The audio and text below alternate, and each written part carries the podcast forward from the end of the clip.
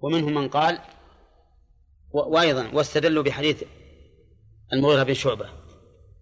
قال فمسح على خفيه ولم يذكر التيامن ومن العلماء من قال تتيامن لأن المسح فرع عن الغسل ولأنهما عضوان يتميز أحدهما عن الآخر بخلاف الرأس.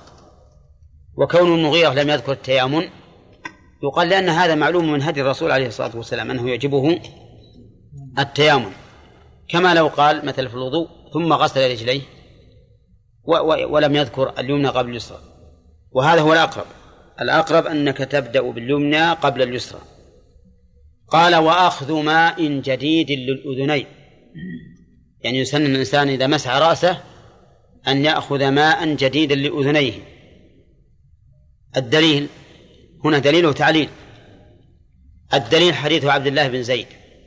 أن النبي أن أنه رأى النبي صلى الله عليه وسلم توضأ فأخذ لأذنيه ماء غير الماء الذي مسح به رأسه.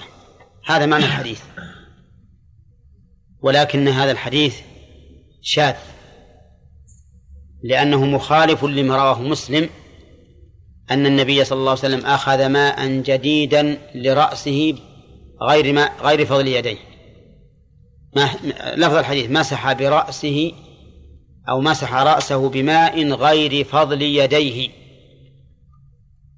رواه مسلم من حديث عبد الله بن زيد. من هذا الوجه. فعلى هذا يكون يكون الصواب أنه لا يأخذ ماء جديدا للأذنين. ولأن جميع الواصفين لوضوء النبي عليه الصلاة والسلام لم يذكروا أنه أخذ ماء جديدا للأذنين. إلا هذا الحديث الشاذ. على هذا يكون الدليل ضعيفا. ما هو التعليل لأخذ ماء جديد للأذنين؟ يقول التعليل لأنهما كعضو مستقل. فنقول إنهما ليس عضوين مستقلين بدليل أنهما يمسحان مع الرأس مرة واحدة. فيها الغسلة الثانية والثالثة؟ طيب أيضا من السنن من السنن الغسلة الثانية والثالثة. في والغسلة الأولى واجبة. لقوله تعالى فاغسلوا وجوهكم وأيديكم إلى المرافق وامسحوا برؤوسكم وأرجلكم إلى الكعبين. فالأولى واجبة. والثانية أكمل. والثالثة أكمل لأنها أبلغ في التنظيف. وقد ثبت أن النبي صلى الله صلى الله عليه وسلم توضأ مرة مرة ومرتين مرتين وثلاثا ثلاثا وتوضأ كذلك مخالفا. فغسل وجهه ثلاثا ويديه مرتين ورجليه مرة. وقد كره بعض العلماء أن يخالف بين الأعضاء في العدد. فقال إذا غسلت وجهك مرة فلا تغسل اليدين مرتين. وإذا غسلت اليدين مرتين لا تغسل الرجلين ثلاثا. ولكن الصواب خلاف ذلك فإنه قد ثبت أن الرسول عليه الصلاة والسلام خالف فغسل الوجه ثلاثا واليدين مرتين والرجلين مرة. ولكن هل الأفضل التزام ثلاث دائما أو الأفضل أن يأتي بهذا مرة وبهذا مرة؟ الأخير هو الأقرب. وقد يقال إن الرسول صلى الله عليه وسلم توضأ مرة لبيان الجواز لا على سبيل التعبد باختلاف العبادات وتوضأ مرتين أيضا لبيان الجواز وخالف لبيان الجواز ولكننا نقول إن الأصل ما هو؟ التعبد والمشروعية فالظاهر أن الأفضل أن الإنسان ينوع. يعني يتوضأ مرتين مر... ثلاثا مرة. وعلى رأي المؤلف الثلاث أفضل من الثنتين والثنتين والثنتان أفضل من الواحد. وقد ألغز بعض العلماء في هذه المسألة. وقال لنا سنة أفضل من واجب. والذي دل عليه النص أن الواجب أفضل من السنة. كما قال الله تعالى في الحديث القدسي ما تقرب إلي عبدي بشيء أحب إلي مما افترضت عليه. نعم. وهذا الثلاث سنة وهي أفضل من الواجب. وابتداء السلام سنة وهو أفضل من رده. نعم. فما هو الجواب عن هذا هذا اللغز؟ الجواب عن هذا اللغز إنه لغز خطأ وليس بصواب لأن الغسل لأن غسل الإنسان أعضاء وضوئه ثلاثا قد دخل فيها الواجب فهو قد أتى بالواجب وزيادة. فكيف يصح أن نقول إن السنة هنا أفضل من الواجب؟ وأما ابتداء وأما السلام فقالوا إن ابتداء السلام أفضل من رده. ونحن نناقش هذا القول من وجهين. الوجه الأول قد يقول قائل إن رده أفضل لأن رده واجب وابتداءه سنة.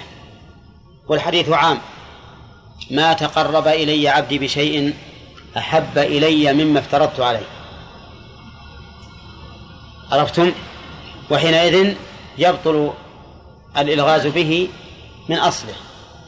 وقد نقول إن ابتداء السلام أفضل من رده لأن رده مبني عليه. فحاز مبتدئ السلام حاز فضيلتين أنه ابتدأ السلام وأن ابتداءه كان سببا ها؟ لواجب. سببا لواجب فمن أجل ذلك كان أفضل.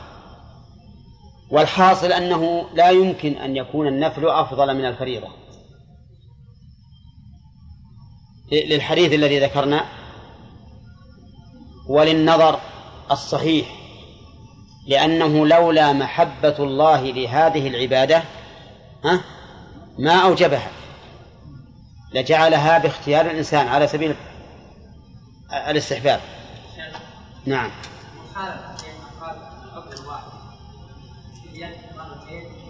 هذه ما وردت. ما وردت. الجواز يجوز هنا لكن لا تفعله على سبيل التعبد. نعم.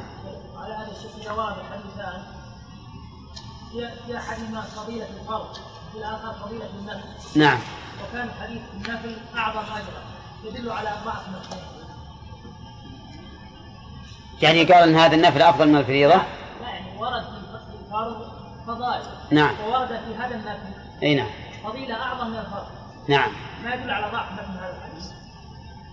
لا لا ما ما, ما نستطيع أن نجعل هذه قاعدة. ما نستطيع هذه القاعدة. نعلل بها الأحاديث. ثم قال المؤلف باب فروض الوضوء وصفته. باب فروض الوضوء وصفته أي وباب صفته. الفروض جمع فرض. جمع فرض وجمعها مع أن القاعدة عند النحويين أن المصدر لا يجمع ولا يثنى ولكنه جمعها باعتبار تعددها. فقال باب فروض الوضوء. فهي جمع فرض والفرض في اللغة يدل على معان أصلها الحز والقط. الحز والقط هل تعرفون الحز؟ ها؟ إيش هو؟ ها؟ الحز الفرض والفرض الحز والحز الفرض والحز ما ما يصلح. ها يعني معناها قطع بدون إبانة. قطع بدون إبانة. والقطع ها حز مع إبانة. واضح؟ نعم. طيب. أما في الشرع فإن الفرض عند أكثر أهل العلم مرادف للواجب ومعنى مرادف له؟ أنه بمعناه فمعناهما واحد وهو ما أمر به على سبيل الإلزام ما أمر به على سبيل الإلزام أي بالفعل يعني أمر الله به ملزما إيانا أن نفعله. عرفتم؟ وحكمه أن فاعله مثاب وتاركه ها خطأ. وتاركه مستحق للعقاب. لأن الله قد يعفو عنه. هذا حكم. وعند أبي حنيفة رحمه الله أن الفرض ما ثبت بدليل قطعي والواجب ما ثبت بدليل ظني. فما كان ثابتا بدليل قطعي أي قطعي الثبوت والدلالة فهو فرض. وما ثبت بدليل ظني ها في ثبوته أو دلالته فهو واجب. واضح؟ وعلى هذا مثلوا لذلك. مثلوا لذلك. قالوا قراءة شيء من القرآن فرض. فرض لقوله تعالى في الصلاة قصده. لقوله ها؟ فاقرأوا ما تيسر من القرآن. وقراءة الفاتحة واجب لأن قراءة الفاتحة من أخبار الآحاد. وعند كثير من الناس من الأصوليين وغيرهم أن أخبار الآحاد لا تفيد إلا الظن. فقالوا مثلا قراءة الفاتحة من باب الواجب وقراءة ما تيسر من القرآن من باب الفرض. ولكن جمهور أهل العلم يخالفونهم في ذلك. يقولون إن الفرض والواجب ها مترادفان. ومع هذا فإننا نرجع إلى بابنا الذي نحن فيه. فنقول المراد بفروض الوضوء هنا أركان الوضوء. المراد بها أركانه وبهذا نعرف أن العلماء رحمهم الله قد ينوعون العبارات فيجعلون الفروض أركانا ويدل على أن المراد بالفروض هنا أركان أن هذه الفروض هي التي تتكون منها ماهية الوضوء. ولا لا. وكل أقوال أو أفعال تتركب منها ماهية العبادة فإنها إيش؟ أركان. لأن الوضوء ماهيته تتركب من هذه الأشياء الأربعة. لو قيل لك ما هو الوضوء وش تقول؟ هو غسل الوجه واليدين ومسح الرأس. وش بعد؟ وغسل الرجلين. إذن المراد بفروض الوضوء ما هي أركانه. والوضوء في اللغة مشتق من الوضاءة وهي النظافة والحسن. وأما في الشرع فهو التعبد لله عز وجل بغسل الأعضاء الأربعة على صفة مخصوصة. تعبد الله تعالى بغسل الأعضاء الأربعة على صفة مخصوصة. ما هي عبد الرحمن؟ الوضوء في اللغة. الوضوء في اللغة هو تعبد في اللغة؟ نعم. لا خلوه يجيب لأنه قريب لي وقلبه السارح. مشتق من هذا في اللغة. وأما في الاصطلاح فهو التعبد لله بغسل الأعضاء الأربعة على صفة مخصوصة. فإن قلت هذا الحد غير صحيح لأنك قلت بغسل الأعضاء والرأس لا يغسل. فالجواب أن هذا من باب ها؟ من باب التعليل نعم. وقوله وصفته معطوف على فروض. وليس معطوفة على الوضوء. يعني وباب صفة الوضوء. والصفة هي الكيفية التي يكون عليها. وللوضوء صفتان صفة واجبة وصفة ها مستحبة. نعم.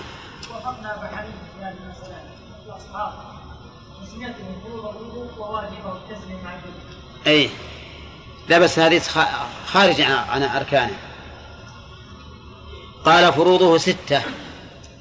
فروضه ستة. الأول غسل الوجه.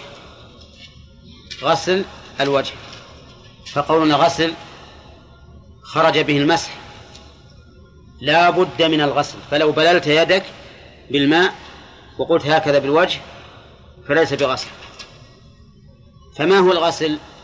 قال العلماء الغسل أن يجري الماء على العضو يجري جريان على العضو هذا هو الغسل. وقوله الوجه الوجه ما تحصل به المواجهة.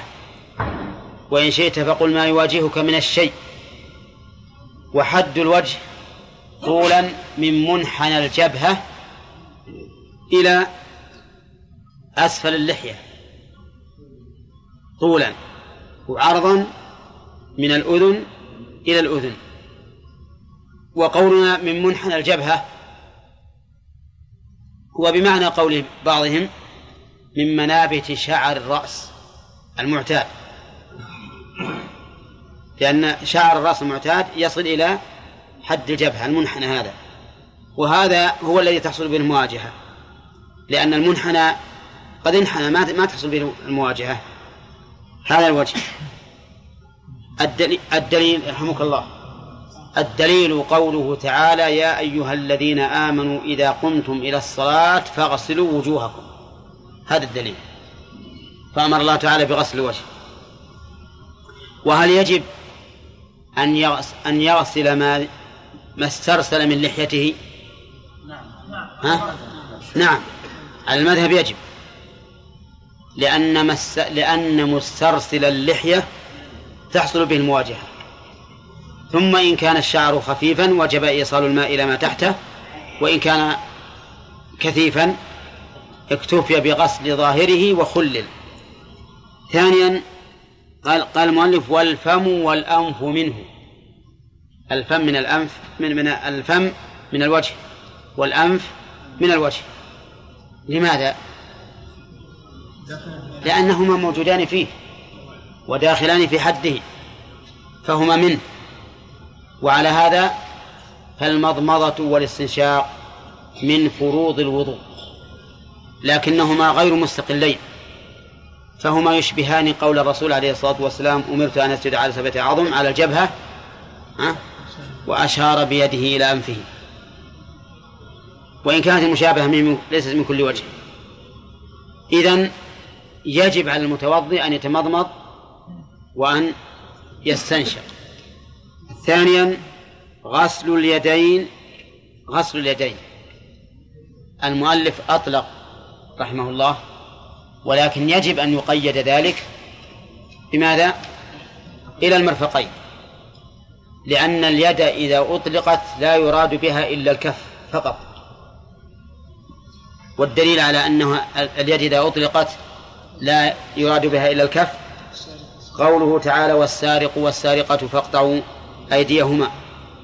وقوله في التيمم فامسحوا بوجوهكم وأيديكم منه.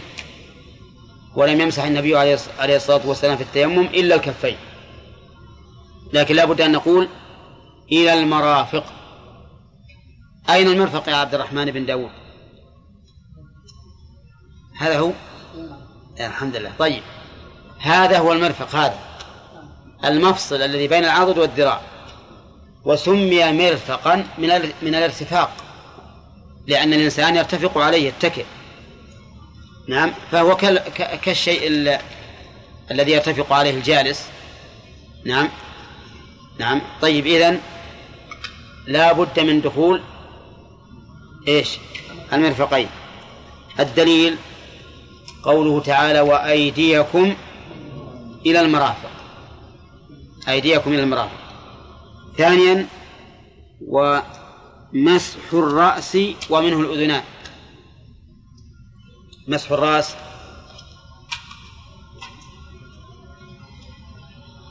هذا الفرق بين المسح والغسل المسح لا يحتاج إلى جراء الماء بل يكفي أن الإنسان يغمس يده في الماء ثم يمسح بها الرأس مبلولة.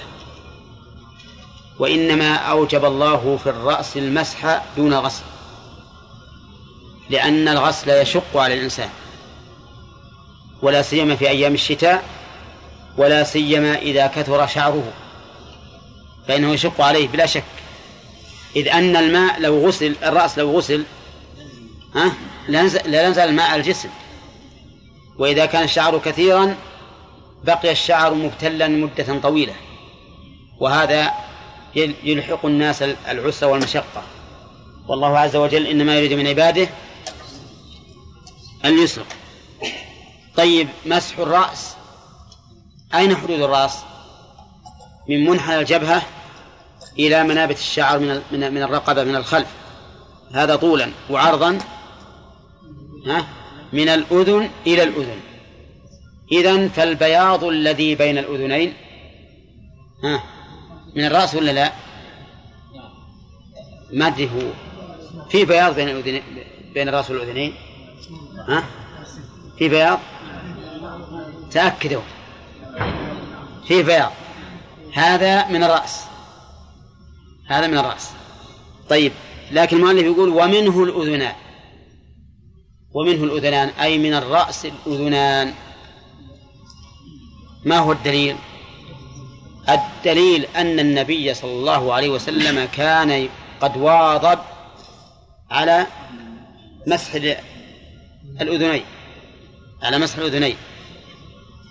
وأما حديث الأذنان من الرأس فقد ضعفه كثير من أهل العلم. وقالوا إن طرقه واهية ولكون الضعف فيها كثيرا. لا يرتقي بها أي بتعددها إلى درجة الحسن. وبعض العلماء حسنه وبعضهم صححه. لكن عندنا دليل أقوى من هذا. ما في إشكال. وهو مواظبة النبي صلى الله عليه وسلم على مسح أذنيه. وعلى تقدير صحة الحديث الأذنان من الرأس فإن هنا مسألة يجب أن نتفطن لها. وهي عند حلق الرأس. في حج أو عمرة. يجب عليك أن تحلق شعر أذنيك. ولا لا؟ لا يجب. ما دام الأذنان من الرأس يجب. ها؟ لا فيه شعر كيف؟ بعض الناس يكون فيه شعر بين. يكون يختلفون لكن بعض الناس يكون على فوق شعر. وبعض الناس يكون في المغابن شعر. نعم. وهذا عندما تتصور حال النبي صلى الله عليه وسلم في حجه وعمرته ما تظن أنه كان يحلق ذلك؟ أو أنه أو أن أو أن الناس مكلفون؟ يقال طلع كل شعره في مغاب الأذن واحلقها ولا قصرها؟ نعم. المهم إذا قلنا الأذنان من الرأس فلا بد من من حلق الشعر الذي عليهما لأنهما من الرأس. أما إذا قلنا بأن الحديث ضعيف كما ضعفه ابن الصلاح وغيره فإن المسألة فقد كفينا إياه. نعم.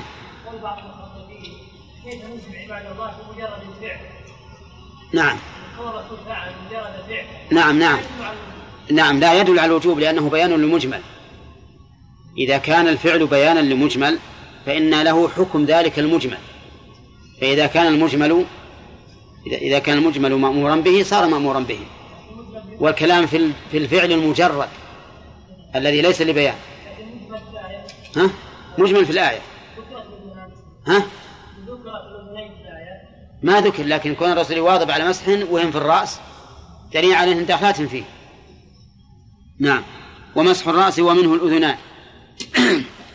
و وغسل الرجلين غسل الرجلين. المؤلف أيضا أطلق الرجلين ولكن فيه نظرا. نقول إلى الكعبين. لأن الرجل عند الإطلاق لا يدخل فيها العقب. بدليل أن قطاع الطريق الذين يجب علينا أن نقطع أيديهم وأرجلهم من خلاف من أين يقطعون؟ من المفصل الذي بين العقب وبين ظهر القدم. ويبقى العقب ما يقطع. وعلى هذا فيجب أن نقيد الآية أن نقيد كلام المؤلف بما قيد قيدت به الآية.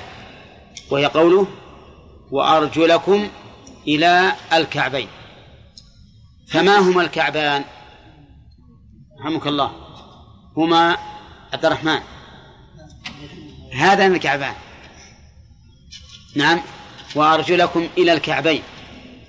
هذا هو الحق وهو الذي عليه أهل السنة. لكن الرافضة قالوا المراد بالكعبين ما ما تكعب وارتفع وهما العظم الذي في ظهر القدم هذا الذي في ظهر القدم. قالوا لأن الله قال إلى الكعبين. ما قال إلى الكعاب وأنتم إذا قلتم الكعبين ذولي فالأرجل كم فيه من كعب؟ أربعة. كان يقول إلى الكعاب. فلما قال إلى الكعبين علم أنهما كعبان في رجلين وهما هذا. والعجيب أن الرافضة يخالفون الحق فيما يتعلق بطهارة الرجل من وجوه ثلاثة. أولا أنهم ما يغسلون الرجل يمسحونها مسحا وثانيا يصلون بالتطهير إلى هذا الناتئ في ظهر القدم. وثالثا لا يمسحون على الخفين. لأن المسح على الخفين محرم ولا يجوز. فخالفوا الحق في أمور ثلاثة. مع العلم بأن ممن روى المسح على الخفين من؟ علي بن أبي طالب. علي بن أبي طالب رضي الله عنه الذي هو إمام الأئمة عندهم. نعم.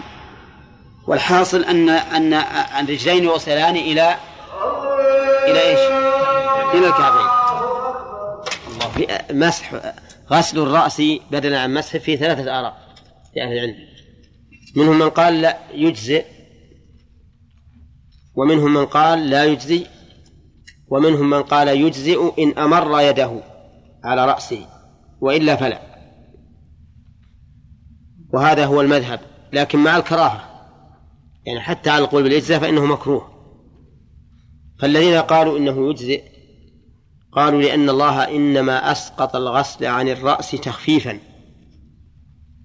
لأن الرأس يكون فيه شعر. ولو كلف الناس بغسله لكان في ذلك مشقة لا سيما في أيام الشتاء وأيام البرد.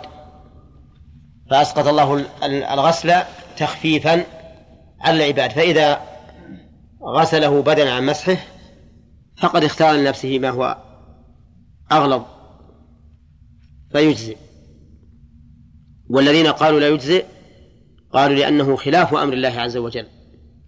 والله تعالى قال امسحوا برؤوسكم. وإذا كان خلاف أمر الله فقد ثبت عن النبي صلى الله عليه وسلم أنه قال من عمل عملا ليس عليه أمرنا فهو رد.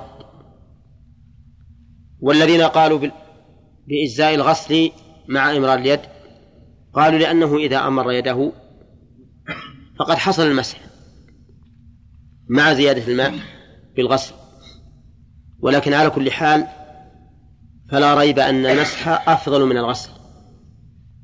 المسح أفضل من الغسل لا شك في هذا.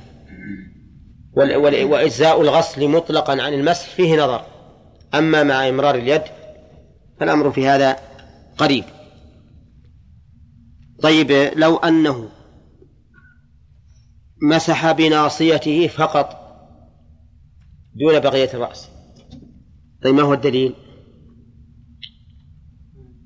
ها؟ كيف تحكم بلا دليل؟ ها؟ لو مسح بالناصية فقط. نعم. يعني يجزي ولا لا؟ يجزي. يجزي. الدليل؟ نعم. والباء؟ إذا كانت الباء للتبعيض فيجزي وإن كانت لغة التبعيض. قال برؤوسكم ولم يقل ببعض رؤوسكم. والباء لا تأتي في اللغة العربية للتبعيض أبدا. قال ابن برهان من زعم أن الباء تأتي في اللغة العربية للتبعيض فقد أخطأ. ما تأتي الباء للتبعيض أبدا في اللغة العربية. وأما حديث المغيرة أن النبي صلى الله عليه وسلم مسح على ناصيته وعلى العمامة والخفين. فهنا المسح على الناصية أجزاء لأنه مسح مع العمامة. فلا يكون في ذلك دليل على جواز المسح على الناصية فقط. طيب ما هو الدليل على الموالاة؟ نقرأنا. ها؟ الترتيب ما شرحناه. طيب. يا طيب ومسح. قول ومنه الأذنان. من الرأس الأذنان. طيب الدليل؟ إن قلنا من الرأس ها؟ وجب أن يحلق شعر أذنيه. لا تقصير ما هنا شيء ما هنا طول حتى يقصر. لكن إلا كان على على مذهب العامة بياجوج وماجوج أن يقول لهم آذان واحدة يجعلها فراش والثانية يجعلها لحاف. على رأي العامة يمكن. طيب. يقول المؤلف رحمه الله والترتيب الترتيب عرفنا دليله. من القرآن من الآية الكريمة من كم من وجه؟ الوجه الأول إدخال الممسوح بين الموصولات وهذا خروج عن مقتضى البلاغة والقرآن أبلغ ما يكون من الكلام. ولا نعلم لهذا الخروج عن قاعدة البلاغة فائدة إلا الترتيب. ثانيا لا من الآية. ها؟ أن هذه الجملة وقعت جوابا للشرط. وما كان جوابا للشرط فإنه يكون مرتبا حسب وقوع الشرط. حسب وقوع الجواب. ثالث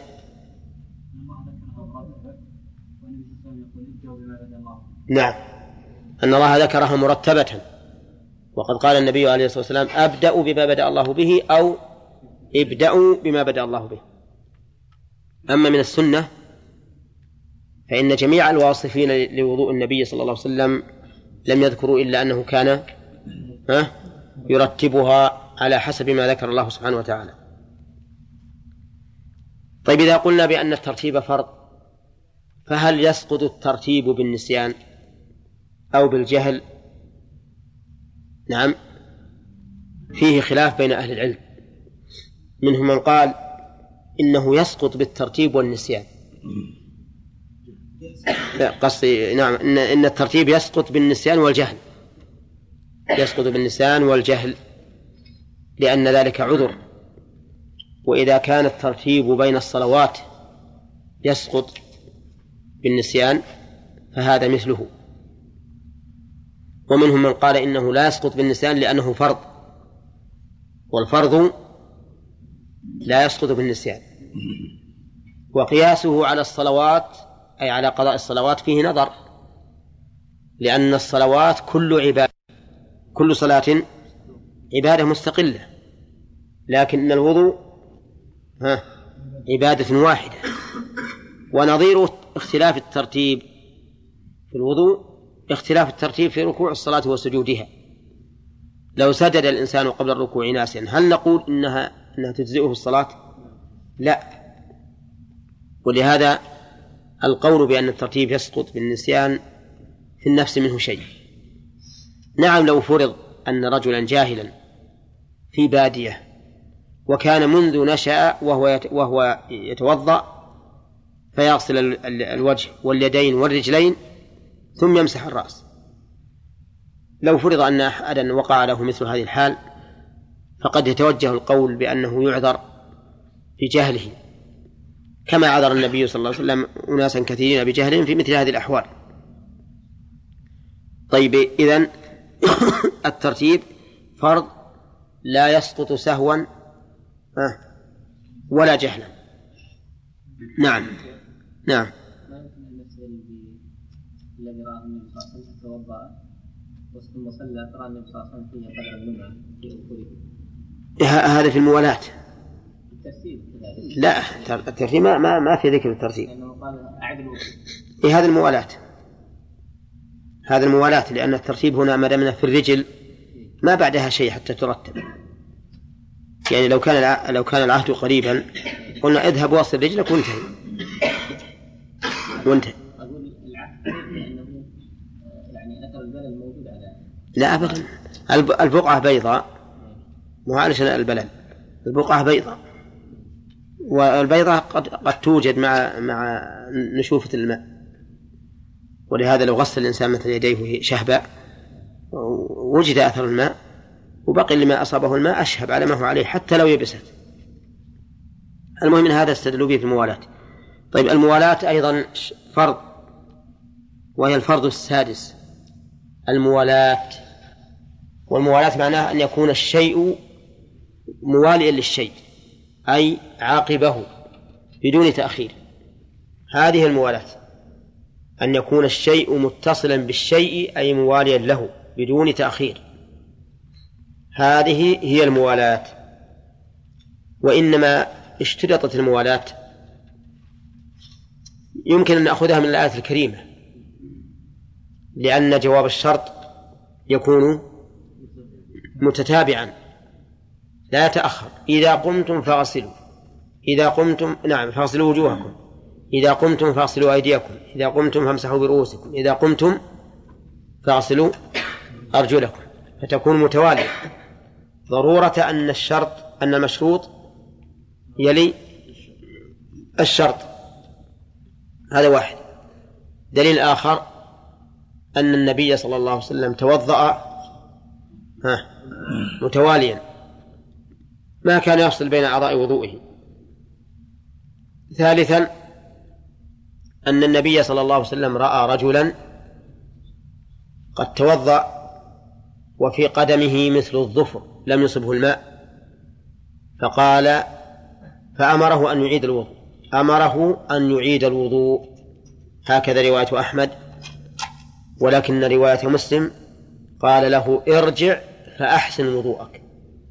ارجع فأحسن وضوءك. والفرق بين اللفظين إذا لم نحمل أحدهما على الآخر أن الأمر بإحسان الوضوء معناه الأمر بإتمام ما نقص منه. وهذا يقتضي أن يغسل ما ترك فقط دون ما ما سبق.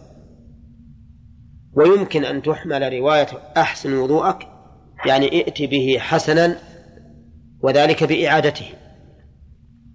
وذلك بإعادته. فتحمل رواية مسلم على رواية الإمام أحمد لأن رواية الإمام أحمد سندها جيد.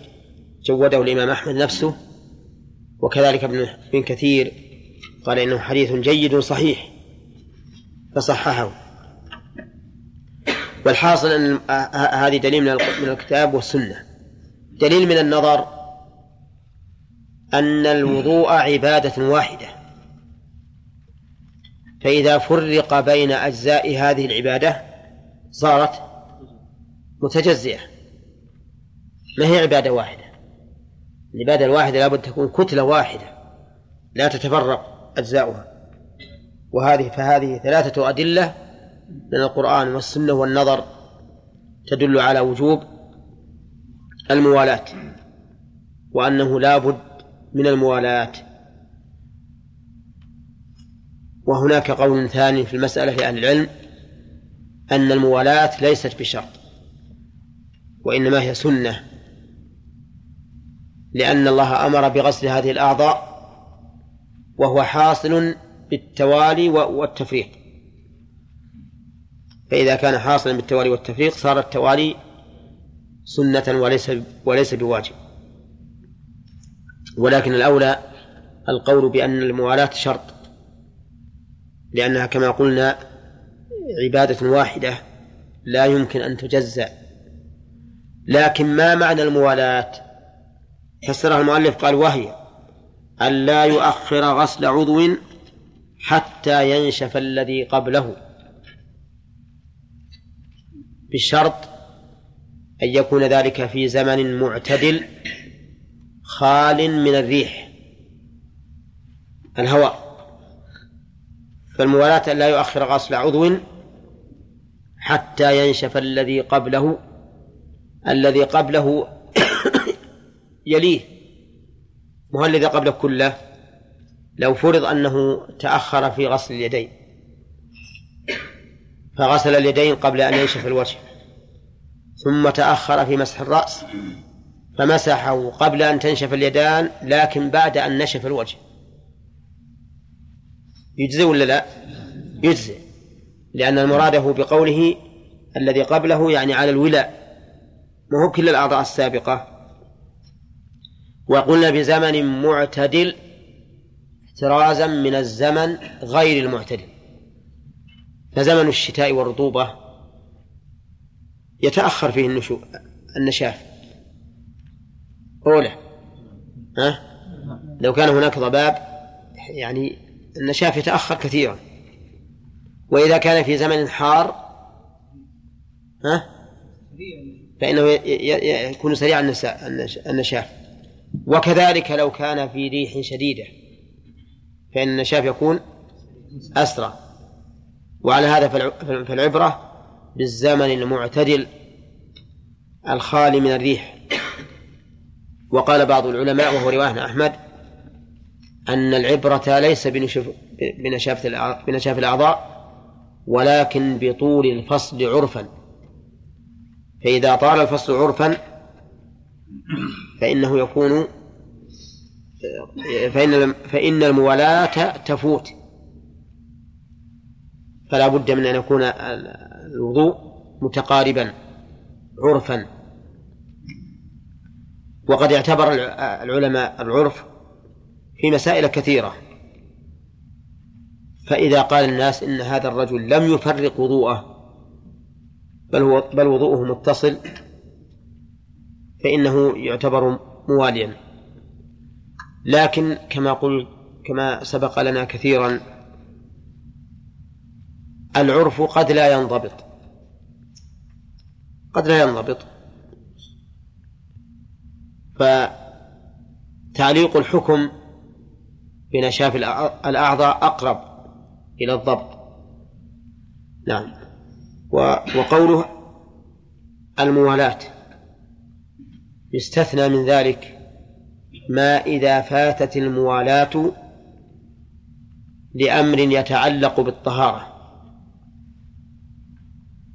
مثل أن يكون في أحد الأعضاء حائل يمنع وصول الماء فاشتغل بإزالة ذلك الحائل. مثل إيش؟ كالبوية. لما جاء يغسل يديه وجد فيها بوية تحتاج إلى زمن. يأتي مثلا بالغاز ولا بالبنزين يحتاج إلى زمن. فهو جعل يشتغل بإزالة هذا المانع فإن ذلك لا يضر. لأن هذا يتعلق لأمر يتعلق بطهارته. وكذلك لو نفد الماء وجعل يستخرجه من البئر ونشفت الأعضاء حينئذ فإن ذلك لا يضر. أو انتقل مثلا من صنبور إلى صنبور لتحصيل الماء فإن ذلك لا يضر لأنه لأمر يتعلق بطهارته. أما لو فاتت الموالاة لأمر لا يتعلق بالطهارة مثل في أثناء وضوئه وجد في ثوبه دما فجعل يشتغل بإزالة ذلك الدم حتى فاتت الموالاة فإنه يجب عليه إعادة الوضوء لأن هذا لا يتعلق بطهارته نعم إذا كان في أحد الأعضاء حائلا يمنع تخلل الماء فهو ليس كل حائل مفاجئا له يعني كيف؟ يعني ليس مفاجئا له لماذا لا يزيل الحائل قبل أن يشرب الوضوء؟ لأنه ربما ينسى أو ربما يتكاسل أو يتهاون ولا والأحسن بلا شك أنه إذا وجد هذا الحائل أن يبادر بإزالته لكن بعض الناس يكون مثلا يشتغل صاحب بويه ما هو راح كل ما سقط نقطة على بدنه يروح يزيلها في الحال. هو يقول إذا إذا جاء وقت الصلاة أزلتها أو يكون مثلا لما وصل إلى غسل القدمين مسح القدمين على الكفين يتذكر أنه انتهى وقت مسحهما فانشغل. لو إيش؟ لو طال يعني الزمن الفاصل. يعني طول شديد. نعم. اي ما يضر. ما دام ما دام من هذا لتكميل طهارته. فلا يضر.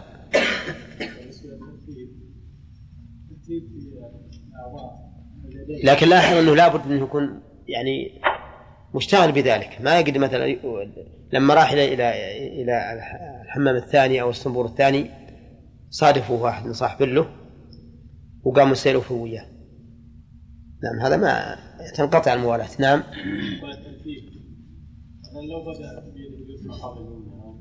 لا هذا سنة. إنما الترتيب بين الأعضاء الأربعة فقط. الوجه واليدين والرأس والرجلين. قال وهي أن لا يؤخر غسل عضو حتى ينشف الذي قبله. نحن أضفنا إليها قيدين. وهما؟ ها؟ بزمن معتدل. ها؟ خال من الريح. واستثنينا منها ما إذا كان فوات الموالاة لأمر يتعلق بطهارته. قال المؤلف والنية شرط. النية بمعنى القصد بمعنى القصد ومحلها القلب. ولا يعلم بالنيات إلا الله عز وجل. وهي شرط في جميع العبادات. والكلام عليها من وجهين. الوجه الأول من جهة تعيين العمل ليتميز عن غيره.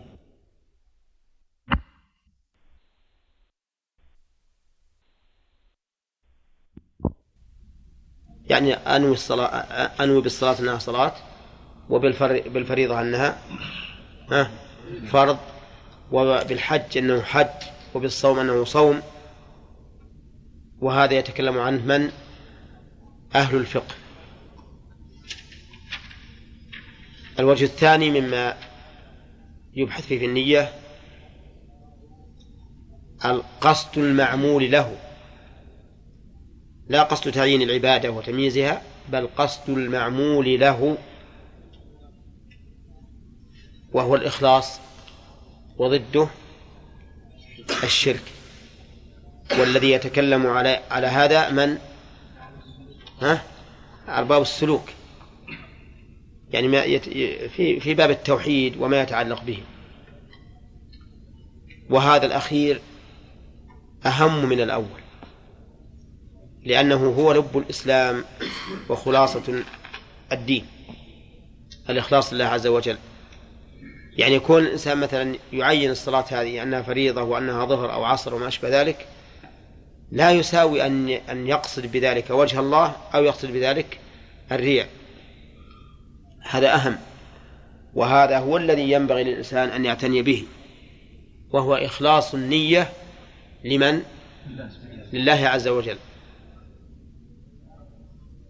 وكما ينبغي بل يجب إخلاص النية لله يجب المتابعة للرسول صلى الله عليه وسلم. فلنتذكر عند فعل العبادات شيئين الأول نتذكر أمر الله بهذه العبادة حتى نؤديها وكأننا إيش؟ نمتثل أمر الله. عندما ما نتوضأ ما نجي نقول نحن الآن بنتوضأ لأن بنصلي. والوضوء شرط لصحة الصلاة. بل ينبغي أن نتوضأ لأن الله قال اغسلوا وجوهكم وأيديكم. فنكون بذلك ممتثلين لأمر الله سبحانه وتعالى. وكذلك نستحضر ها أن أمامنا إمامنا محمد محمد رسول الله صلى الله عليه وسلم. فنحقق بذلك إيش؟ المتابعة للرسول صلى الله عليه وسلم. النية شرط لصحة العمل ولا لقبوله وإجزائه ولا للكل؟ للكل. لقول النبي صلى الله عليه وسلم إنما الأعمال بالنيات. ولأن الله تعالى قيد كثيرا من من الأعمال في القرآن قيدها بقوله ابتغاء وجه الله. مثل قوله تعالى ومن يفعل ذلك ابتغاء مرضات الله فسوف نجزي أجر والذين صبروا ابتغاء وجه ربهم وأقاموا الصلاة. وما أشبه ذلك من الآيات التي تدل على أنه لا بد من النية. فالنية شرط لجميع العبادات. وهل ينطق بها الإنسان أو لا ينطق. وإذا قلنا بالنطق فهل ينطق سرا أو جهرا؟ الصحيح أنه لا ينطق بها. وأن التعبد لله بالنطق بها بدعة ينهى عنه. ويدل لذلك أن النبي صلى الله عليه وسلم وأصحابه لم يكونوا ينطقون بالنية أبدا. ما حفظ ذلك عنهم؟ ولو كان النطق بالنية مشروعا ها لبينه الله عز وجل على لسان رسوله صلى الله عليه وسلم الحالي أو المقالي ولم يبينه الله. فدل هذا على أنه ليس من شرعه. فإذا أردت أن تتوضأ لا تقول نويت أن أتوضأ. أن تصلي لا تقول يا عيسى لا تقل نويت أن أصلي. وإذا أردت أن تصوم ها؟ ما تقول نويت أن أصوم؟ وكان أهلنا يعلموننا ونحن صغار أن نقول اللهم إني نويت الصيام إلى الليل. ما أدري هو ما زال باقيا أم لا. ها؟ ما سمعتم بها؟ إيه. على كل حال هذا ما هو موجود. يعني آه، ما هو مشروع. بقي علينا الحج. هل يسن النطق بالنية فيه؟ نعم. لا لا. يسن. لم يرد عن النبي عليه الصلاة والسلام أنه قال اللهم إني نويت أن أحج. أو نويت النسك الفلاني. وإنما يلبي بالحج. فيظهر النية ويكون العقد بالنية سابقا على التلبية. لكن إذا كان الإنسان يحتاج إلى اشتراط في نسكه هل يحتاج إلى النطق بالنية ويقول اللهم إني أريد كذا وإن حبسني ولا لا؟ ما هو شرط ليس بشرط أن يقول نويت بل له أن يقول اللهم إن حبسني حابس فمحلي حيث حبسني بدون أن ينطق بالنية بدون أن ينطق. فإذا النية شرط الدليل.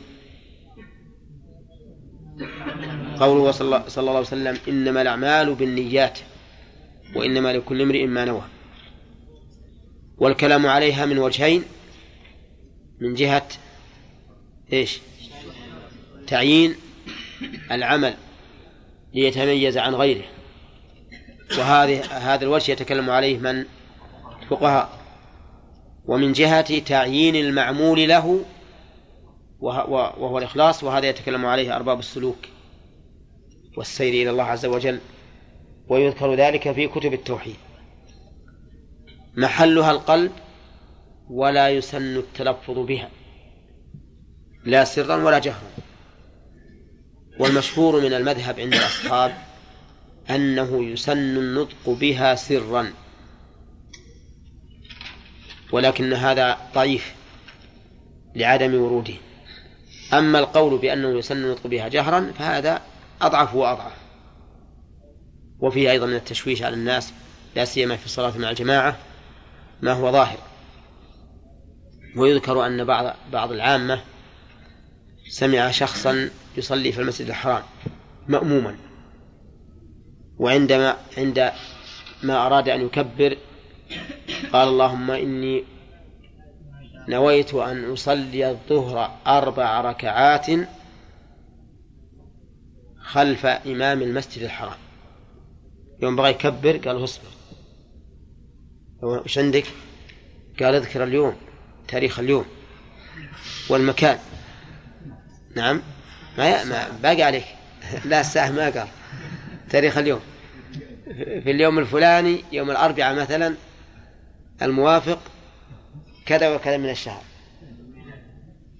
نعم. فالرجل انتبه. لأنه ما حاجة أنك تبين لله عز وجل ماذا نويت لأن الله يعلم ما في قلبك. ثم إن النية ليست بالأمر الصعب. وإن كانت عند بعض أهل الوسواس صعبة لكنها في الحقيقة ليست صعبة. لأن كل إنسان عاقل مختار يعمل عملا فلا بد أن يكون ذلك مسبوقا بالنية. رجل قرب الماء وقال بسم الله وغسل كفيه وتماضم واستنشق إلى آخره هل يعقل أنه فعل ذلك بدون نية وهو عاقل مختار؟ لا يمكن. ولهذا قال بعض العلماء لو أن الله كلفنا عملا بلا نية لكان من تكليف ما لا يطاق. لو قال الله لنا توضأوا ولا تنوا صلوا ولا تنوا يمكن هذا ولا ما يمكن؟ لا يمكن أبدا. فالنية ليست بالأمر الصعب. وما يرد على قلوب بعض الناس من صعوبتها فهذا من الوساوس. فأنت عندما تحضر ما حاجة إلى إلى إلى تعب. حتى إن شيخ الإسلام رحمه الله قال في نية الصوم إذا تعشى الإنسان ليلة ليالي رمضان فإن عشاءه يدل على نيته. لو ما نوى الصوم من الغد السبب إن اللي تعشى في رمضان يلاحظ أنه سوف يتسحر في آخر الليل فلا يكثر العشاء كما يكثره إذا كان في غير الصوم. قال والنية شرط يقول لطهارة الأحداث لطهارة الأحداث كلها. أفادنا المؤلف رحمه الله لطهارة الأحداث وهي جمع حدث. والحدث معنى يقوم بالبدن يمنع من الصلاة ونحوها. هذا الحدث. ويطلق أحيانا على سببه. فيقال للغائط حدث ويقال للبول حدث. ومنه قوله عليه الصلاة والسلام لا يقول الله صلاة أحدكم إذا أحدث حتى يتوضأ. فهو يطلق في الأصل على المعنى القائم بالبدن المانع من الصلاة ونحوها. وقد يراد به إيش؟ سببه وهو السبب الموجب للوضوء. وقول لطهارة الأحداث يشمل الحدث الأصغر ها؟ والأكبر كل الأحداث. وخرج بقوله لطهارة الأحداث طهارة الأنجاس فإنه لا يشترط له لها النية. ولذلك لو علق الإنسان ثوبه على في السطح فجاء المطر على هذا الثوب حتى غسله وزالت النجاسة طهر ولا ما يطهر؟ طهر مع أن هذا ليس بفعله ولا بنيته. ما نواه أن لما علقه في السطح ما نوى أن يغسله المطر والمطر أيضا ليس من فعله. وكذلك الأرض تصيبها النجا تصيبها النجاسة فتنزل الأمطار عليها فتطهر بدون قصد فتكون طاهرة. وهذا الذي ذكره المؤلف هو مذهب مالك والشافعي والإمام أحمد بن حنبل. وذهب أبو حنيفة رحمه الله إلى أن طهارة الحدث لا يشترط لها النية قال لأنها ليست عبادة مقصودة لذاتها وإنما هي مقصودة لماذا؟ للصلاة لتصحيح الصلاة فهي كما لو لبس ثوبا يستر به عورته فإنه لا يشترط أن ينوي بذلك ستر العورة. بل لو لبسه للتجمل أو لدفع البرد وما أشبه ذلك أجزأ ولكن قوله ضعيف. فإن الصواب أن الوضوء عبادة مستقلة. والدليل على ذلك أن الله رتب عليه الفضل والثواب والأجر ومثل هذا يكون عبادة مستقلة. وهو قول جمهور أهل العلم وإذا كان عبادة مستقلة صارت النية فيه شرطا. بخلاف إزالة النجاسة فإزالة النجاسة ليست فعلا ولكنها تخل عن عن شيء يطلب إزالته. تطلب إزالته فلهذا لم يكن عبادة مستقلة فلا تشترط فيه النية. لكن كيف ينوي؟ النية لها بالنسبة للوضوء لها عدة أوجه. قال فينوي رفع الحدث. هذا واحد. ينوي رفع الحدث. يتوضأ. ليش توضأ؟ قال برفع الحدث الذي حصل لي بسبب الغائط مثلا أو بسبب سبب البول. هذا رفع الحدث إذا نوى رفع الحدث صح وضوءه أو لا؟ صح وضوءه. وهذا هو هو المقصود بالوضوء أن يرفع الحدث. هذه واحدة. الثاني أو الطهارة لما لا يباح إلا بها. ينوي الطهارة لشيء لا يباح إلا بالطهارة. والشيء الذي لا يباح إلا بالطهارة الصلاة. والطواف ومس المصحف. هذه الأشياء الثلاثة لا تباح إلا بالطهارة. إذا ينوي الطهارة للصلاة. ما نوى رفع الحدث؟ لكن نوى الطهارة للصلاة. يرتفع الحدث ولا لا؟ لأن الصلاة ما تصح إلا بعد رفع الحدث. نوى الطهارة للطواف. ها؟ كذلك يرتفع. نوى الطهارة لمس المصحف أيضا يرتفع. الحدث. الوجه الثالث قال فإن نوى ما تسن له الطهارة. ارتفع حدثه. الوجه الثالث أن ينوي ما تسن له الطهارة. يعني ينوي الطهارة لما تسن له الطهارة. ولما تجب؟ لما تسن له الطهارة كالقراءة.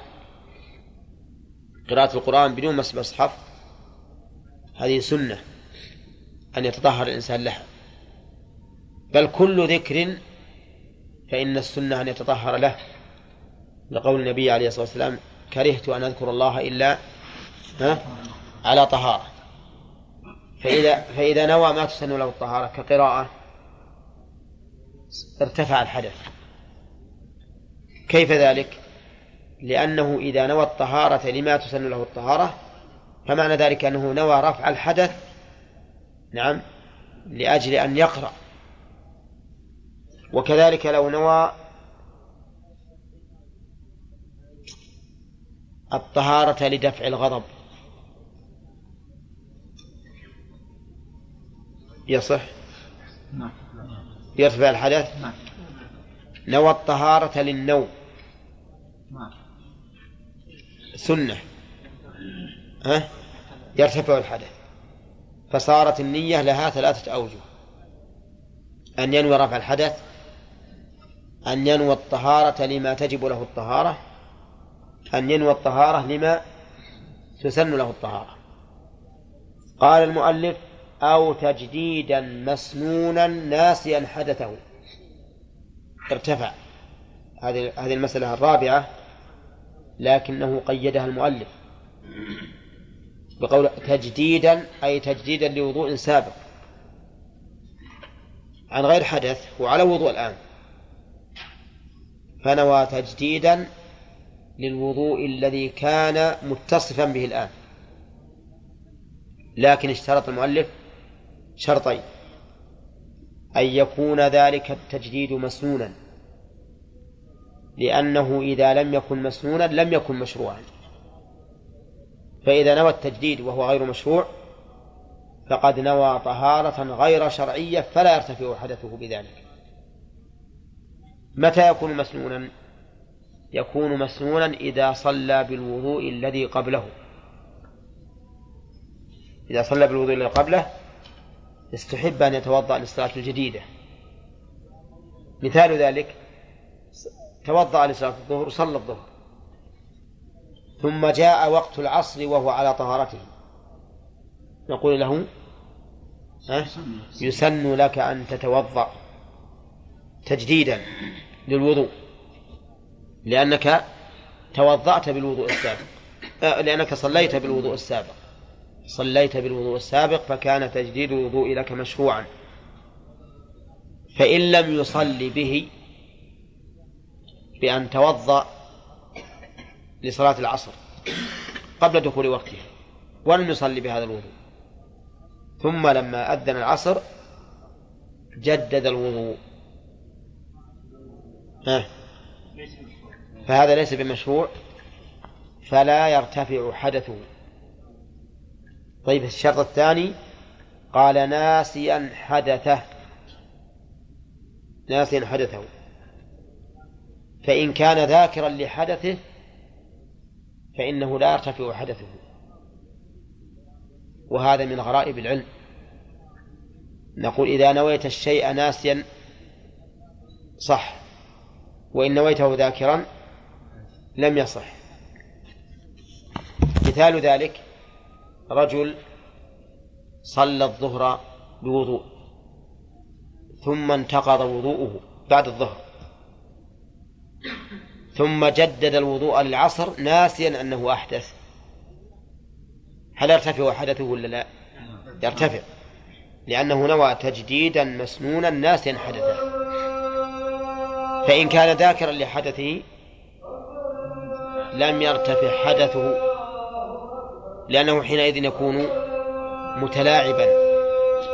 كيف تنوي التجديد وأنت لست على وضوء؟ لأن التجديد لا يكون إلا والإنسان على طهارة. أما أن تنوي التجديد وأنت محدث فهذا تلاعب فلا يرتفع الحدث. قال المؤلف رحمه الله وإن نوى غسلا مسنونا أجزأ عن واجب. إن نوى غسلا مسنونا أجزأ عن واجب. مثل أي شيء الغسل المسنون مثل أن يغتسل من تغسيل الميت فإنه غسل مسنون. ومثل أن يغتسل للإحرام ومثل أن يغتسل للوقوف بعرفة. كل هذه أغسال مسنونة. وسيأتي إن شاء الله تعالى سيأتي ذكرها فيما بعد. وكذلك غسل الجمعة عند جمهور العلماء من الأغسال المسنونة والصحيح أنه واجب. إذا نوى غسلا مسنونا يقول المؤلف إنه يجزئ عن الواجب. وظاهر كلام المؤلف ولو ذكر أن عليه واجبا. وقيده بعض الأصحاب بما إذا كان ناسيا حدثه. يعني ناسيا الجنابة. فنوى الغسل المسنون فإنه يجزئه عن الواجب. فإن لم يكن ناسيا فإنه لا يرتفع. لأن الغسل المسنون ليس عن حدث ليس عن حدث. وإذا لم يكن عن حدث فقد قال النبي عليه الصلاة والسلام إنما الأعمال بالنيات وإنما لكل امرئ ما نوى. وهذا الرجل لم ينوي إلا الغسل المسنون. وهو يعلم أن عليه جنابة ويذكر ذلك فكيف يرتفع الحدث؟ وهذا القول أي تقييده بأن يكون ناسيا له وجهة نظر. وأما الذين لا يقيدون فيقولون لأنه لما كان الغسل المسنون طهارة شرعية كان رافعا للحدث. ولكن هذا التعليل فيه شيء من العلة. نعم. لأن نقول هو غسل مشروع لا شك. لكنه غسل مشروع دون الغسل الواجب من الجنابة. فكيف يقوى المسنون حتى يجزئ عن الواجب؟ لو كان الأمر بالعكس لا أمكن. لكن كونه ينوي الغسل المسنون ونقول إن هذا يجزئ عن الواجب هذا فيه نظر. لكنه إذا كان ناسيا فهو معذور. مثاله لو أن أحدا اغتسل الجمعة على القول بأن غسل الجمعة سنة وهو عليه جنابة لكنه ما ذكر. أو ما علم مثل أن لا يعلم بالجنابة إلا بعد صلاة الجمعة كما لو كان قد احتلم ولم يشعر ولم يعلم إلا بعد الجمعة فإن صلاة الجمعة تكون صحيحة لارتفاع الجنابة. وأما إذا علم ونوى هذا الغسل المسنون فإن القول بالإجزاء في النفس منه شيء. طيب وكذا عكسه يعني إن نوى غسلا واجبا أجزأ عن المسنون لدخوله فيه لأن الغسل الواجب أعلى من المسنون فيسقط به. كما لو أن الإنسان دخل إلى المسجد وقد وجد الناس يصلون فدخل معهم فإن تحية المسجد تسقط عنه. لأن الواجب أقوى من المستحب. طيب وإن نواهما جميعا. يجزئ ها؟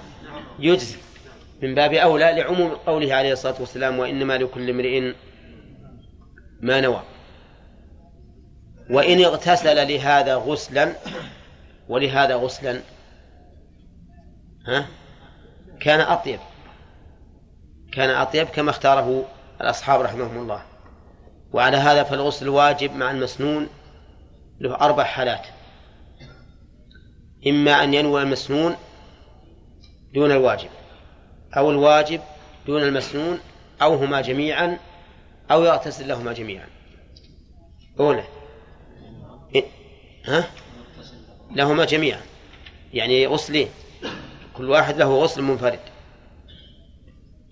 فإذا اغتسل لكل واحد منهما غسلا منفردا فهذا أعلى الحالات. وإن نواهما جميعا فهو دونه لكن يجزئ لعموم قوله صلى الله عليه وسلم وإنما لكل امرئ ما نوى. وإن نوى الواجب سقط به المسنون. وإن نوى المسنون على المذهب أجزأ عن الواجب يسقط به الواجب ولكن في نفس منه شيء. نعم لو كان ناسيا فقد يقال إن هذا يجزي لأنه غسل مشروع والإنسان لم يذكر. يقول وكذا أجزأ عن واجب وكذا عكسه. كذا خبر مقدم وعكسه مبتدا مؤخر. ما هو عكس هذه الصورة؟ ها؟ أن ينوي واجبا فيجزي عن المسنون. ثم قال وإن اجتمعت أحداث توجب وضوءا أو غسلا فنوى بطهارته أحدها ارتفع سائرها. إذا اجتمعت أحداث توجب وضوءا يعني بأن فعل الإنسان من نواقض الوضوء أشياء متعددة. بال تغوط خرج منه ريح أكل لحم إبل نام نوما عميقا. هذه خمسة أشياء. فعل هذه الخمسة كلها. هذه الأحداث وش توجب؟ توجب الوضوء. فنوى الطهارة عن البول فقط. عن البول. نوى نوى الطهارة عن البول. ها. يجزى عن الجميع. يجزئ عن الجميع.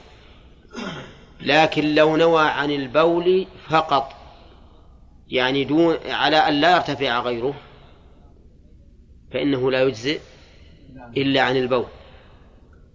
لا يجزئ إلا عن البول. قالوا لعموم قوله وإنما لكل امرئ ما نوى. وقيل يجزئ عنه وعن غيره لأن الحدث وصف واحد. وإن تعدد أسبابه فإنه لا يتعدد. الحدث في الحقيقة وصف واحد. لو تعدد أسبابه فإنه لا يتعدد. فإذا نوى رفعه ارتفع. وإن لم يعين إلا سببا واحدا منه. وقيل إن عين الأول ارتفع الباقي. وإن عين الثاني لم يرتفع شيء منهما. وجه هذا القول يقول لأن الثاني ورد على حدث لا على طهارة مثل بال بالأول ثم بعد ذلك تغوط ثم توضأ عن الغائط فقط. يقول هذا لا يجزي. السبب لأن الثاني ورد على حدث فلم يؤثر شيئا.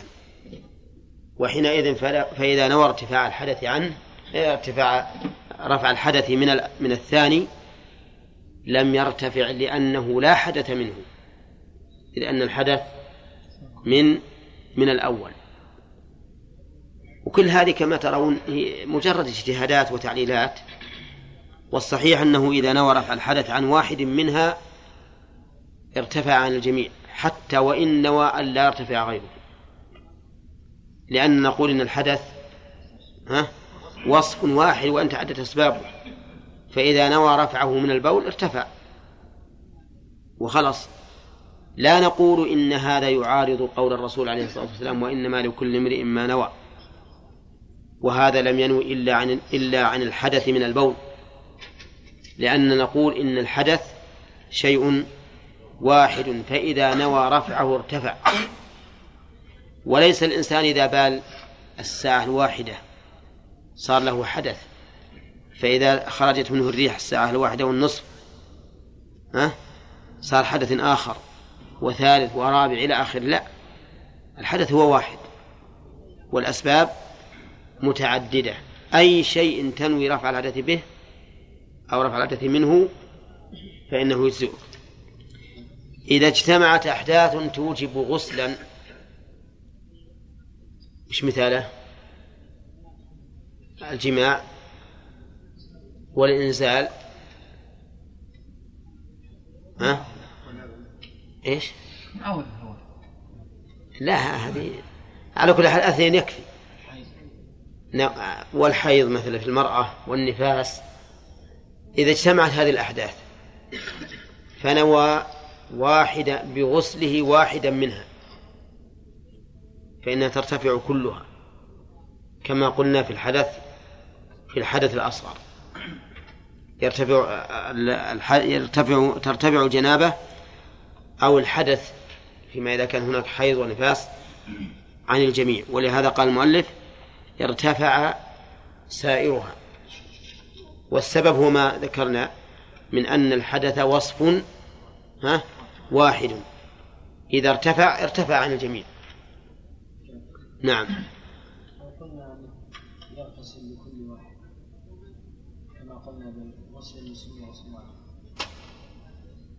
ما أعلم أحدا قال بذلك.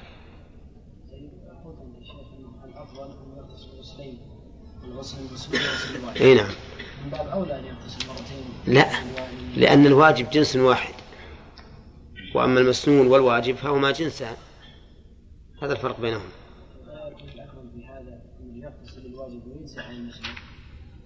فيما؟ فيما إذا مثلا اجتمع غسل المسلم إيه؟ وغسل الواجب. نعم. غسل الجمعة وغسل جنابه نعم. لأنه يعني هو هم الحقيقة الفقهاء يقولون إذا نوى الواجب أجزأ عن المسنون. إذا نوى الواجب أجزأ عن المسنون. لكن يقولون إنه إذا فعل الأمرين اغتسل مرتين فهذا أفضل لأنه حص- حصل منه عملا الأفضل. نعم. قد يكون العمل هم يقولون مثلا الرسول أمر بالغ- بالغسل يوم الجمعة. اغتسل يوم الجمعة. والله أمر بالغسل من الجنابة اغتسل من الجنابة نعم. لو نوى رفع حدث واحد ونوى عدم ارتفاع الفريضة نعم. هل يصح؟ المذهب لا يصح. ما ها؟ على ما رجح إي نعم يصح. أليس هذا متلاعبا؟ ها؟ أليس هذا متلاعبا هذا الرجل؟ لأن- إيه ولو تلاعب إذا تلاعب ما ما ما نوافقه على لعبه. لا نصح لأنه نوى نوى ال- الوضوء من البول. والباقي لا قال ما قال ما نبي متوضئ له. ما هو لم ينوي فقط. قال ما متوضئ له. نقول الآن ارتفع حدثك بنية البول بنية الوضوء من البول. وإن شئت الآن لا تنوي ما علينا منك. ما دام أنه وجد وضوء. امتثل الإنسان به أمر الله لسبب من الأسباب. واحد فكونه لا ينوي الارتفاع نقول هذا ما, ما يؤثر. مثل ما لو أن الإنسان توضأ وأكمل وضوءه ولما توضأ وأكمل وضوءه قال ترى هونت أبطلت وضوءي. ما يبطل الوضوء. إي نعم. نعم. لو أن انسان يعني توالت عليه يكون على إي نعم. ها؟ بدون نية مثلا. إيه ما ما يجزي ما تجزي لا. ما دام ما نوى التبر... ما نوى الغسل تعبدا لله عز وجل فهو ما ينفعه. وإنما لواحدة. أجزاء عن الجميع. إي نعم. الشيخ الدلع ها؟ ها؟ الدلع إيش؟ إيش؟ الأعضاء. إي. منه؟ وش فيه؟ يعني ما يكون لابد منه؟ ما بعد ما هو إحنا نتكلم عن النية الآن. يجي يبي يجينا إن شاء الله. هذا راح يا شيخ الترتيب والموالاه. يبي يجينا إن شاء الله.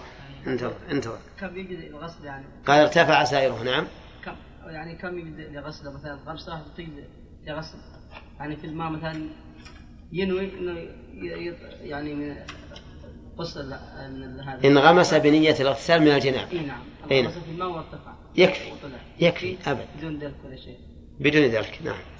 ذلك مو هو واجب. ها؟ قال رحمه الله.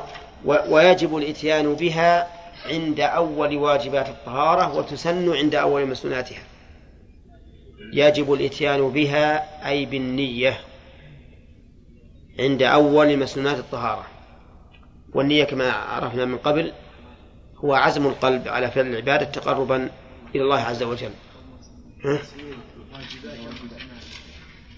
كيف؟ ويجب الإتيان بها عند أول وجب الطهارة وهو التسمية وتسن عند أول مسناتها نعم. أنا حذفتها عمدا. يجب الاتيان بها عند أول واجبات الطهارة وهو التسمية وتسن عند أول مسنوناتها هذا المؤلف أراد الكلام على محل النية. متى ينوي الإنسان؟ يقول يجب عند أول واجبات الطهارة. وكلمة عند تدل على القرب. كما في قوله تعالى إن الذين عند ربك لا يستكبرون عن عبادته فالعندية تدل على القرب وعلى هذا فيجب أن تكون النية مقترنة بالفعل أو متقدمة عليه بزمن يسير. وأما لو تقدمت بزمن كثير فإنها لا تجزي الدليل على أنها لا بد أن تكون مقارنة أو مقاربة قوله يعني من, من أين نأخذها؟ من كلام المؤلف. من قوله عند وقوله عند أول واجبات الطهارة ولم يقل عند أول فروض الطهارة لأن الواجب مقدم على الفروض في الطهارة والواجب هو التسمية. وقد سبق لنا أن المؤلف يقول إن التسمية واجبة في الوضوء مع الذكر. وتسقط مع النسيان.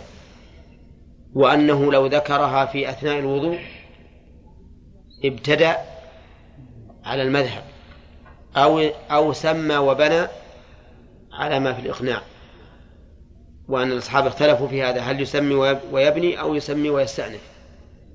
وسبق لنا أن القول الصحيح أن التسمية ليست بواجبة وهو اختيار موفق وجماعة من من من أصحابنا رحمهم الله وذلك لأن الدليل الوارد فيها كما قال الإمام أحمد لا يثبت. وإذا لم يثبت فإن القول بإلزام الناس بها وإبطال الوضوء بتركها بناء على دليل لم يثبت هذا لا ينبغي. لأن الإنسان مسؤول أمام الله عز وجل في تكليف عباد الله سبحانه وتعالى أن يكلفهم ما لم يقتضه الشرع. لكن على المذهب هي واجبة مع الذكر. فإذا أراد أن يتوضأ فلا بد أن تسب... فلا بد أن ينوي النية قبل التسمية لأن التسمية واجبة.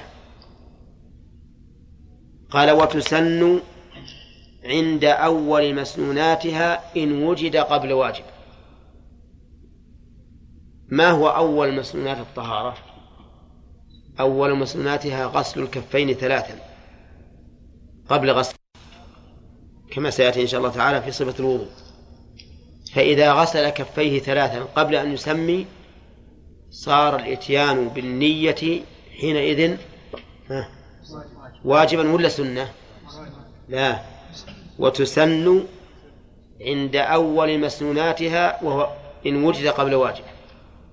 يعني لو غسل كفيه ثلاثا قبل التسمية صار صارت النية قبل غسل اليدين سنة. ولكن كما سبق لنا مرارا وتكرارا كون الإنسان يحضر ويحضر الماء ويبدأ هل يعقل أن يفعل ذلك بلا نية؟ أبدا ما يعقل. ولهذا لا بد أن تكون النية سابقة حتى على أول المسنونات. إذ لا يعقل أحد أن أحدا من الناس يحضر الماء ويشرع بالعمل وهو ما نوى أن يتوضأ. هذا بعيد. اللهم إلا إذا أحضر الماء ليغسل للأكل. ولما غسل كفيه قال إذا ما بقي علي إلا شيء بسيط بكمل أبجعله وضوء فهذا ربما يقال إن الرجل ابتدأ الطهارة ها بلا نية وحينئذ يمكن أن تجب الطهارة أن تجب النية عند التسمية أو نسي. يمكن بعض الناس يبي يغسل الاكل إيه. ينسى ويكتب الوضوء لأنه متعود على إيه. بدون نية بدون نية بدون لا الوضوء يبتدأ التغسيل أي هذه ربما أيضا تقع لكنها بعيدة. المهم أنه أراد الفعل الآن. أراد الفعل. السواك يا شيخ. نعم. أي نعم لكن عند المضمضة. السواك عند المضمضة. هو بعد الواجبات. قال وتستن عند أول مسنوناتها إن وجد قبل واجب. إن وجد الضمير يعود على أول المسنونات وقبله قبل واجب. وش هو الواجب التسمية. يعني لو غسل كفيه ثلاثا قبل أن نسمي فإن تقديم النية على غسل اليدين يكون سنة. والخلاصة أننا لو سئلنا متى تكون النية قلنا لها محلان محل يكون تكون سنة فيه ومحل تكون واجبة. ما هو المحل الذي تكون فيه واجبة؟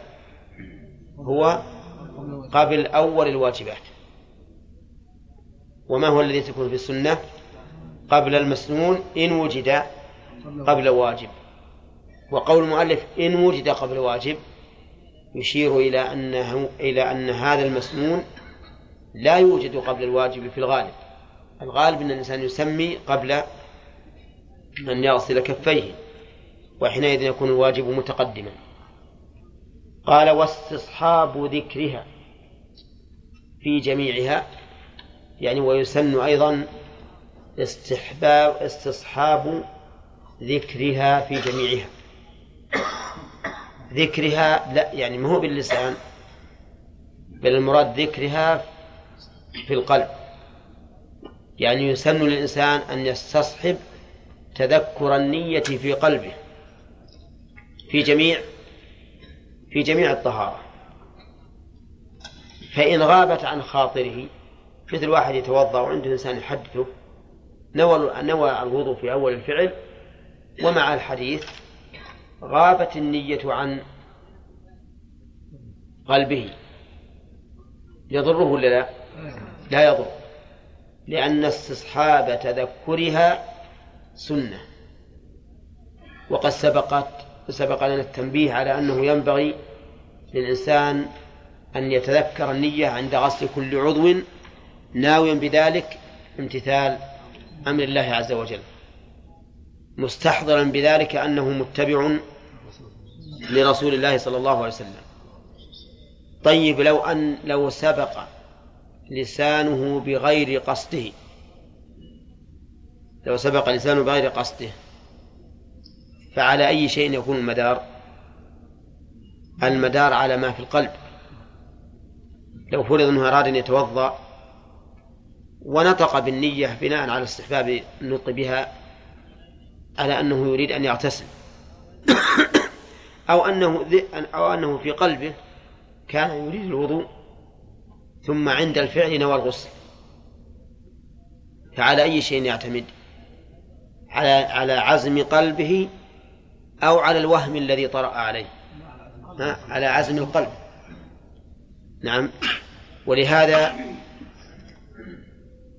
لو سأل سائل عن رجل أراد أن يحرم بالحج مفردا ولكن لأنه كثيرا ما يعتمر قال لبيك عمرة وهو لا يريد العمرة إنما يريد الحج. فبأي شيء عقد إحرامه؟ بالحج لأن العبرة بما في القلب. ولهذا قال الله عز وجل لا يؤاخذكم الله باللغو في أيمانكم ولكن يؤاخذكم بما عقدتم الأيمان والآية الأخرى بما كسبت قلوبكم. نعم. يستحب استصحاب ذكرها. ذكر هنا بمعنى تذكر. استحباب تذكرها بقلبه في جميع الطهارة. ويجب استصحاب حكمها. يجب أن يستصحب الحكم. ومعنى استصحاب الحكم ألا ينوي قطعها. ألا ينوي قطعها. فالنية إذن باعتبار الاستصحاب لها ثلاث حالات. أن يستصحب ذكرها من أول الوضوء إلى آخره. وهذا أكمل الأحوال. أن تعزب عن خاطره لكنه ما نوى القطع. وهذا يسمى استصحاب إيش؟ الحكم. استصحب حكمه يعني بنى على حكمها الأول ومشى عليه. ما نقضه. الثالثة أن ينوي القطع. أن ينوي القطع. وهو في أثناء وضوئه نوى قطع نية الوضوء. لكن استمر في غسل رجليه مثلا لتنظيفهما من الطين. ما تقول في هذا؟ يصح وضوءه ولا لا؟ ما يصح. لماذا؟ لأنه لم يستصحب الحكم حيث إنه إيش؟ قطع النية في أثناء العبادة.